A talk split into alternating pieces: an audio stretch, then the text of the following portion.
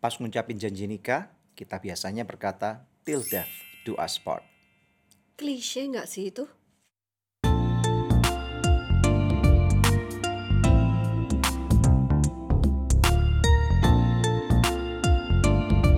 Kamu lagi dengerin podcast Love Revolution. Ya, jumpa lagi bersama dengan kami dalam podcast Love, Revolution. Karena cinta perlu perjuangan dan tindakan nyata. Ya, till death do us part itu tadi kamu bilang klise nggak? Menurut aku sih tergantung orangnya. Kadang-kadang memang kalau orang misalnya cuman eh, nangis sesaat gitu ya, bawang bombay, terus kemudian eh, lupa akan janji nikahnya, tidak memvalue pernikahan itu sedemikian rupa, ya memang itu bisa disebut klise gitu. Hmm.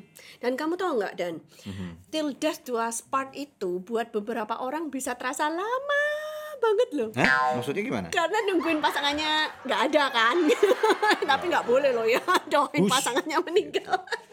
Karena kan kalau pasangannya udah meninggal terus dia bebas bisa merit lagi. Ya, kan masalahnya kan, gitu. di Alkitab, kalau di firman Tuhan nih ya, kita tahu kan ada satu fundamental nih bahwa orang yang sudah bercerai seharusnya nih ya, Ya. tidak boleh menikah lagi. Ya, karena itu Ya. termasuk perzinahan kan ya. Betul. Nah, makanya ini kadang-kadang eh, pada zaman sekarang ini orang sudah lupa bahwa di firman Tuhan mengatakan itu. Di beberapa episode yang lalu kita kan udah berkata bahwa ada hukum negara, ada hukum adat, tetapi yang lebih tinggi daripada segala-galanya adalah hukum firman Tuhan. Ya. Nah, sehingga kalau orang uh, mengingat kembali dengan hukum firman Tuhan, mereka akan berpikir dua kali, tiga kali. Waduh, kalau gitu misalnya kalau saya nggak boleh menikah, nggak bisa menikmatinya indahnya bercinta, nah terus gimana? Nah gitu. iya, harusnya tuh kalau kalaupun bercerai harus tetap remain single gitu kan sampai pasangannya sudah meninggal baru dia bebas boleh menikah sama orang lain Iya. lagi. Nah, makanya ini yang sebenarnya perlu diperjuangkan, bukan cuman masalah kita boleh kawin atau nggak boleh kawin lagi, boleh nikah atau nggak boleh nikah lagi, tetapi maksudnya yuk kita ngomong, kita lihat uh, kepada esensi pernikahan itu sendiri, ya. Ya. Nah, ini pemikiran dari kami berdua nih ya, bahwa menikah itu adalah bagian yang sangat penting di dalam kehidupan umat manusia, betul nggak ya? ya betul. Nah, di mana ada satu pasang, ya ini laki-laki dan perempuan, yang kemudian mereka memadu cinta. Mhm. Nah, menurut kamu gimana nih memadu cinta nih?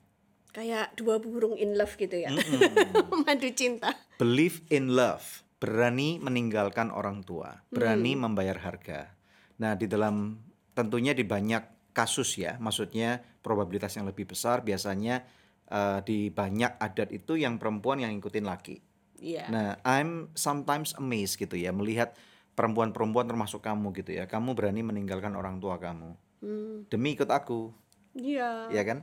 Kamu berani meninggalkan the comfort of your home padahal eh, apa rumah mama kamu itu nyaman banget gitu ya. It was an amazing house.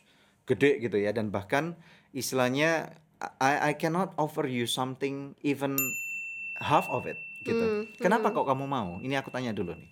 Ya karena I love you. As simple as that. As simple as that. Really? Ya kan kalau udah mencintai ya lalu timbul keyakinan di dalam hatinya gitu meskipun misalnya harus mulai dari nol pun gitu dia rela gitu dan percaya bahwa our love will make it gitu. Ya, kita memang nggak judge juga orang-orang yang uh, pada waktu mau menikah. Ini misalnya mereka bilang, aku mau minta rumah dulu pada waktu mau menikah. Itu juga nggak kita nggak bisa nyinyir bahwa itu matre. Itu bukan masalah itu sebenarnya. Tapi memang ber- berpikir tentang prinsip kehidupan. Nah, kalau dalam uh, orang-orang kuno zaman dulu bahkan di dalam uh, dasar-dasar dasar-dasar adat-adat tertentu di dalam firman Tuhan, justru ayah perempuan itu yang menegosiasikan. Hmm. Betul nggak ya? Kalau kamu mau nikahin anakku, berarti kamu harus nyediain ini, ini, ini. Dan Mas ini kawinnya. betul, nggak bisa dikatakan juga matre karena memang orang tua berhak menuntut. Nah kalau pada pada konteks itu, kalau si laki-laki serius dan benar-benar mengasihi, mencintai eh, apa pasangannya itu atau pacarnya, kekasihnya, maka dia akan pergi untuk eh, kerja keras. Mungkin bisa menyiapkan betul. apa yang diminta bisa sama setahun, calon bisa tuan, eh, sorry, bisa satu tahun, bisa dua tahun, bisa tiga tahun, dan kemudian tiba-tiba dia akan datang nih, eh, I fulfill my eh, vow, I fulfill my pledge, janji yang diminta oleh mertua Terus udah aku penuhi. dijemput ini mempelai Yes. perempuannya. Nah, jadi tetapi sekarang pada zaman modern ini kadang-kadang melihat hal ini kadang-kadang dua orang itu rela bahkan kehilangan segala sesuatu untuk mengejar demi cinta katanya. Luar biasa. Asal nggak demikian aja. Nah itu makanya.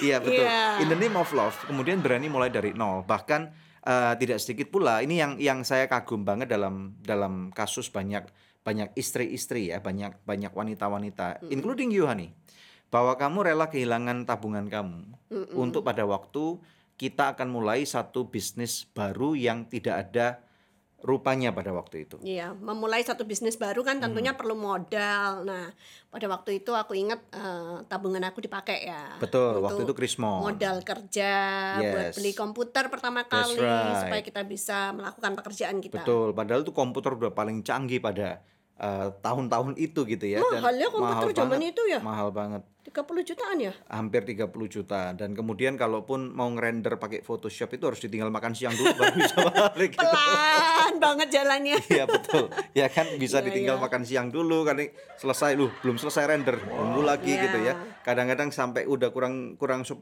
terus crash gitu ya. Nah makanya buat para suami Ya. sekalian yang sedang menyaksikan program Love Revolution Hmm. ini kalau sadar bahwa istrimu itu banyak berkorban ketika dia masuk dalam pernikahan ini demi mencintaimu, jangan disia-siakan, disayang-sayang istrinya itu. Aku ya sayang kan? kamu kok. Iya, aku nggak ngomong sama kamu kan, aku bilang suami yang di luar curcol sana. kan ini? Enggak. Oke. Ya, jadi in the name of love berani mengejar cinta, berani mengejar visi, berani mengejar kehidupan bahkan tidak sedikit yang bahkan harus rela tinggal di kos dulu gitu ya. Dan kemudian kontrakan yang kecil panas nggak ada AC-nya udaranya sumpek banget gitu ya. Ini luar biasa banget. Jadi eh, teman-teman sekalian eh, para eh, orang-orang yang menyukai program Love Revolution ini kita nggak boleh lupa akan hari-hari itu. Hari-hari yang penuh dengan perjuangan Iya. hari-hari yang penuh dengan pengorbanan. Nah, tetapi somehow banyak orang kemudian mereka lost in the way. Mm-mm. Ya. Tersesat ya. Betul, mereka tersesat di dalam mereka ngomong dalam cinta, dalam kesibukan, di dalam rutinitas, dalam apa pun juga tiba-tiba cintanya itu jadi hambar. Nggak menggebu-gebu lagi. Nggak lagi bergelora, nggak lagi menggebu-gebu. Nggak manis lagi. nggak lagi manis dan kemudian yang terjadi adalah Hmm. bahkan tidak sedikit hari-hari ini ada orang-orang yang eh, konseling kepada kita ya akhir-akhir Akhir-akhir ini, ini. Eh, dan kemudian mereka berkata mereka tuh nek melihat pasangannya ya. Kok bisa nek gitu dan ya? ini ironis banget karena eh, ada yang belum punya anak ada yang punya anak satu ada yang tiga atau empat gitu ya. Eh, anehnya dulu padahal mereka menggebu-gebu.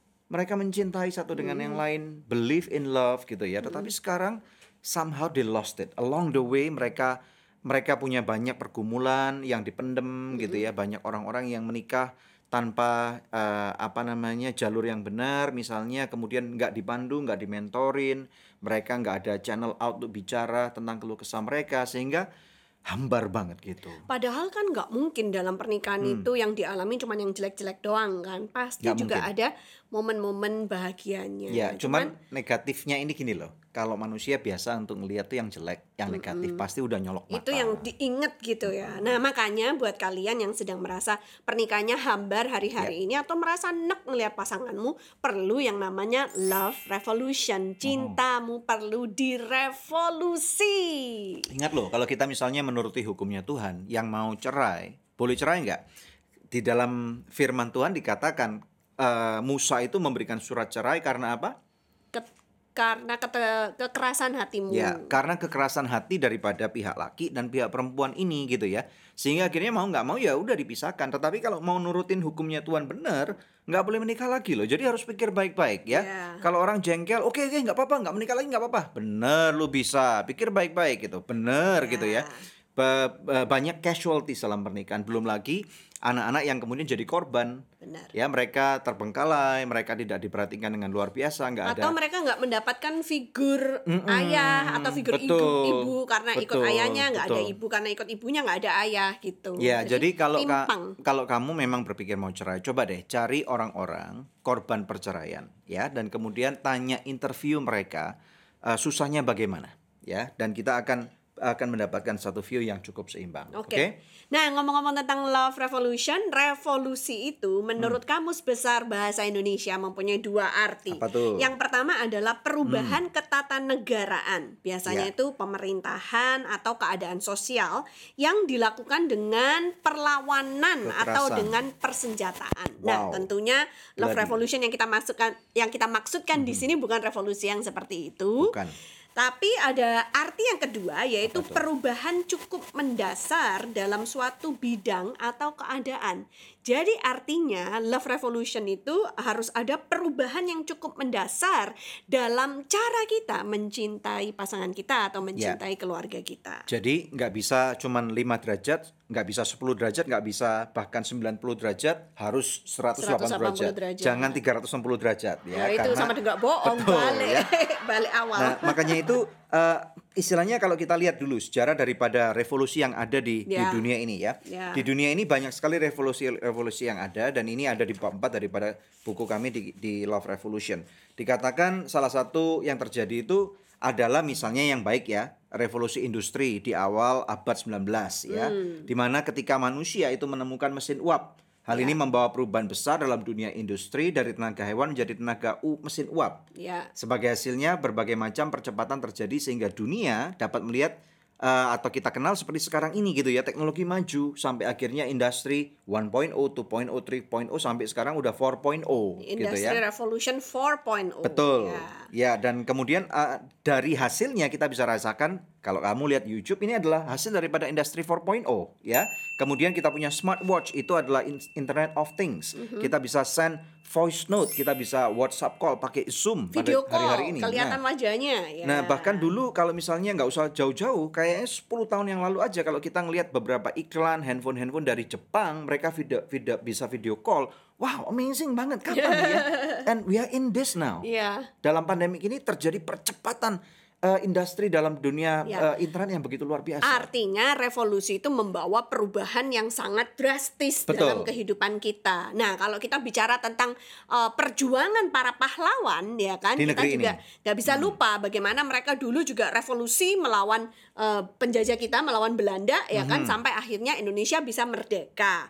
Lalu setelah itu itu revolusi loh ya Iya revolusi, revolusi iya. betul dengan perlawanan dengan senjata kalau Betul, yang itu kan. betul. Nah Menjadi terus lebih baik. Heeh, menjadi lebih baik Indonesia merdeka. Tapi terus dari orde lama pindah ke orde baru juga disertai dengan revolusi, Revolusi. yang kita kenal dengan G30 G30 SPKI, SPKI Betul, itu ya kan. Lalu setelah itu 32 tahun 32 tahun dijajah dari lagi dari orde baru Iya, masuk kemudian- ke masa reformasi Betul. ditandai lagi. lagi. dengan revolusi yaitu reformasi. Reformasi, Masih ingat benar, kan? ya. Ya. Jadi sekarang di era reformasi ini sampai dengan ada beberapa pergantian presiden dan semakin lama Indonesia semakin lebih baik lagi. Hmm. Jadi artinya kalau di dalam kehidupan pernikahan kamu sekali lagi kamu merasa hambar, merasa tidak baik, udah jenuh banget gitu ya. Yuk revolusi. revolusi, Revolusi. berjuang, revolusi cinta kita. Nah, Eh. tapi tau nggak dan ada loh revolusi Apa yang nggak baik. Ada juga Misalnya revolusi apa? Hmm. yang salah, revolusi yang buruk. Itu di tahun antara 1960 sampai 1980, dunia ini mengenal yang namanya sex revolution. Wow. Jadi revolusi seks, di mana mereka memberontak terhadap eh, tatanan yang sudah Tuhan tetapkan, yang harusnya kan monogamous heteroseksual, ya kan? Ya. Mereka nggak mau. Jadi eh, yang mereka lakukan adalah mereka sleep around Seks dengan setiap bebas. orang yang Ya. mereka mau, ya kan? Eh, nggak peduli gendernya apa, gitu. Lalu terjadi grup-grup misalnya hippies, ya kan? Ya, ya ini biasanya terjadi pada generasi orang tua kita ya. Mereka the baby boomers gitu ya. Karena zaman perang kemudian ada satu slogan kalau misalnya kalian pernah lihat di TV eh, apa namanya? Do not make war but make love. Ya, jadi mereka eh, secara radikal mereka nggak mau pergi perang. Tadi dikatakan itu ada orang-orang golongan hippies yang berambut panjang, mereka tidak mau masuk dalam tatanan apa-apa dan mereka Mau mau, hidup bebas, bebas. ya. ya, intinya di sana bebas. Lalu sebagai Yes. hasilnya mereka menikmati kehidupan seks yang yang menurut mereka luar biasa dan akibatnya gonta-ganti pasangan timbullah di awal tahun 80-an itu kayak ada letusan gitu Penyakit ya. yang Penyakit namanya namanya HIV, HIV AIDS. AIDS. Ya, ini contoh daripada revolusi yang tidak baik. ya Nah, gitu apalagi Dan? Nah, hal yang sama itu dengan keluarga. Jadi, uh, segala sesuatu itu yang mengalami revolusi karena adanya ketidakpuasan akan keadaan yang dahulu dan mereka mendambakan perubahan. Nah, hal yang sama akan terjadi dalam keluarga kita apabila ada pihak yang merasa tidak puas dengan keadaan keluarga mereka saat ini, ya kan? Dan mereka mendambakan perubahan entah karena bosan atau karena hambar itu tadi sehingga hidup pernikahan mereka itu terasa tidak maksimal. Ya, menurut menurut Debbie nih, kira-kira hal-hal apa yang bisa membuat pasangan suami istri itu akhirnya terasa hambar atau jenuh di dalam pernikahan? Nah, ini pernah kita bahas mesti Apa ya tuh? di episode Apa? episode Hmm. sebelumnya Iya, yang kita what ulang, could. Hmm. ruin your marriage.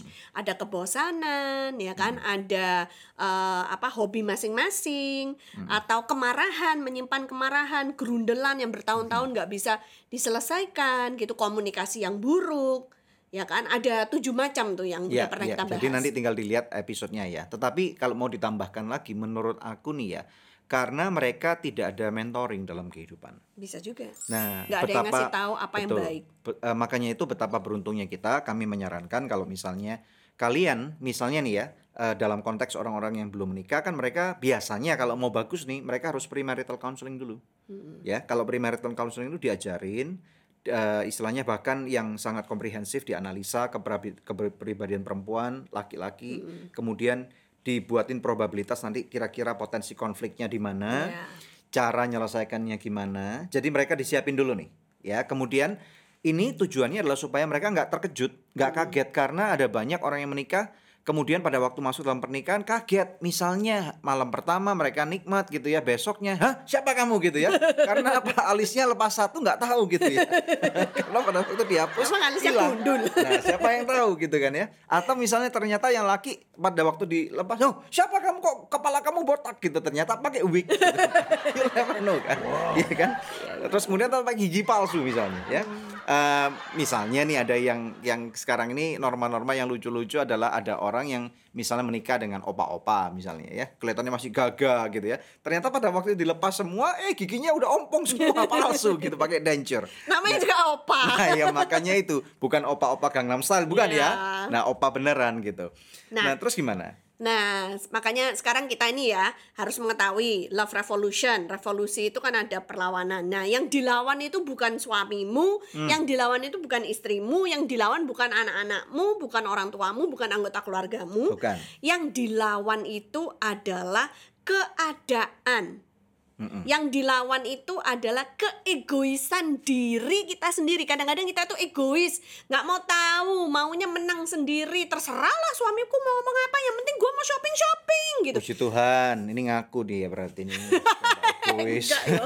ya, udah ngaku kan? Udah ngaku dia. Misalnya itu udah seperti ngaku. itu. Berarti Lah, she's kamu not the law anymore. kamu nggak punya keegoisan ya ada lah namanya Misalnya juga. apa? Nggak tahu apa. Kan aku nggak bisa nilai diriku tahu. sendiri. Aku disuruh nilai diriku tapi kamu nggak Loh, mau nilai enggak, kan dirimu. Itu yang ngaku dosa adil. tadi. Ya aku nggak ngaku dosa, aku memberikan contoh. Ya aku kan kalau sebagai suami kan pasti punya. Aku ego suami. Ya, Aku terserah lah. Ini kan nah, suami itu. harus selalu menang ya. Men's ego gitu ya. Loh bukannya uh, wife is the law. Ya nggak tahu ya, tapi rata-rata suami itu kan nggak mau diomongin istrinya, merasa dipinterin, nggak mau diguruin gitu kan. Jadi kita para istri harus pinter ngambil posisi bawah, ya kan? Tapi kadang-kadang momen ngasih, on top lebih enak. untuk ngasih masukan, tapi tanpa terasa itu eh, mempengaruhi cara berpikir dia atau keputusan dia gitu. Nah, gitu. Jadi ini ini satu contoh ya. Jadi ini yang sering kali terjadi yang kemudian berlarut-larut. Jadi kalian yang sudah menikah pun harus punya role model, harus punya mentor sehingga istilahnya post marital counseling ini sangat diperlukan gitu ya. Untuk kita bisa berbuka hati, berbuka diri supaya kita bisa ditegur gitu ya dan misalnya bisa di, di- kalau salah disalahkan kalau benar misalnya harus bagaimana kita merendahkan hati juga untuk bisa embrace daripada pasangan kita yang lagi lemah tuh lagi Iya, jatuh misalnya iya. ya Jadi yuk kita harus semangat berubah nih ya, semangat berubah Hmm. in the way that we love our spouse, in the way that we love our family. Ya. Revolusi cinta itu adalah perubahan untuk mencintai kembali. Yes, pasanganmu, Ya. mungkin bahkan dirimu sendiri atau bahkan orang tuamu, anak-anak kamu. Ya. Ya, karena yang Tuhan Betul. inginkan sebenarnya itu bukan perceraian, tapi restorasi. Betul. Nah, Cerai karena itu, adalah pemberontakan terhadap rencana Tuhan. Betul ya. Jadi revolusi itu adalah memperbaiki. Kemudian tadi dikatakan sekali lagi kita tekankan perceraian adalah pemberontakan kepada apa yang sudah menjadi institusi Tuhan. Nah, empat episode berikutnya kita akan membahas lebih dalam bagaimana caranya supaya kita keluar dari kehambaran. Ya. Ya. Yang pertama adalah, Tidak berfokus pada hal yang negatif. yang kedua adalah, Fokus pada kehendak Tuhan. yang ketiga adalah. Memahami ulang arti unconditional love. Kemudian last but not least yang terakhir yang keempat, Melayani satu dengan yang lain. So guys, uh, stay tune ya. Jadi nanti 4 episode ke depan adalah suatu journey yang luar biasa.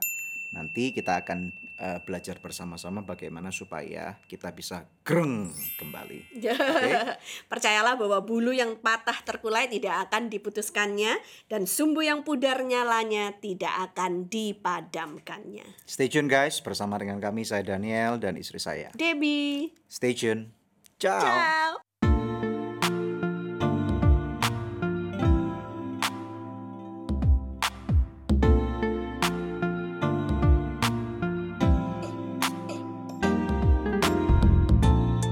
Kasih sudah tune in di podcast Love Revolution. Kalau kamu ngerasa feel-nya dapet banget nih sama konten ini, langsung aja bisa share di sosmed kamu. Dan jangan lupa untuk tag dan juga follow Instagram Daniel Hendrata dan juga Debbie Katarina. Kalau kamu mau belajar lebih dalam lagi nih tentang konten Love Revolution ini, kamu bisa dapetin bukunya di Tokopedia. Next on podcast Love Revolution. Positif. Nah, Judulnya stay positif, jadi kita harus selalu positif, tidak berfokus pada hal-hal yang negatif. Tiap orang itu pasti punya kelemahan, termasuk diri kita gitu ya. Nggak mungkin juga orang cuma negatif doang. Pasti Yes. loh ada positifnya.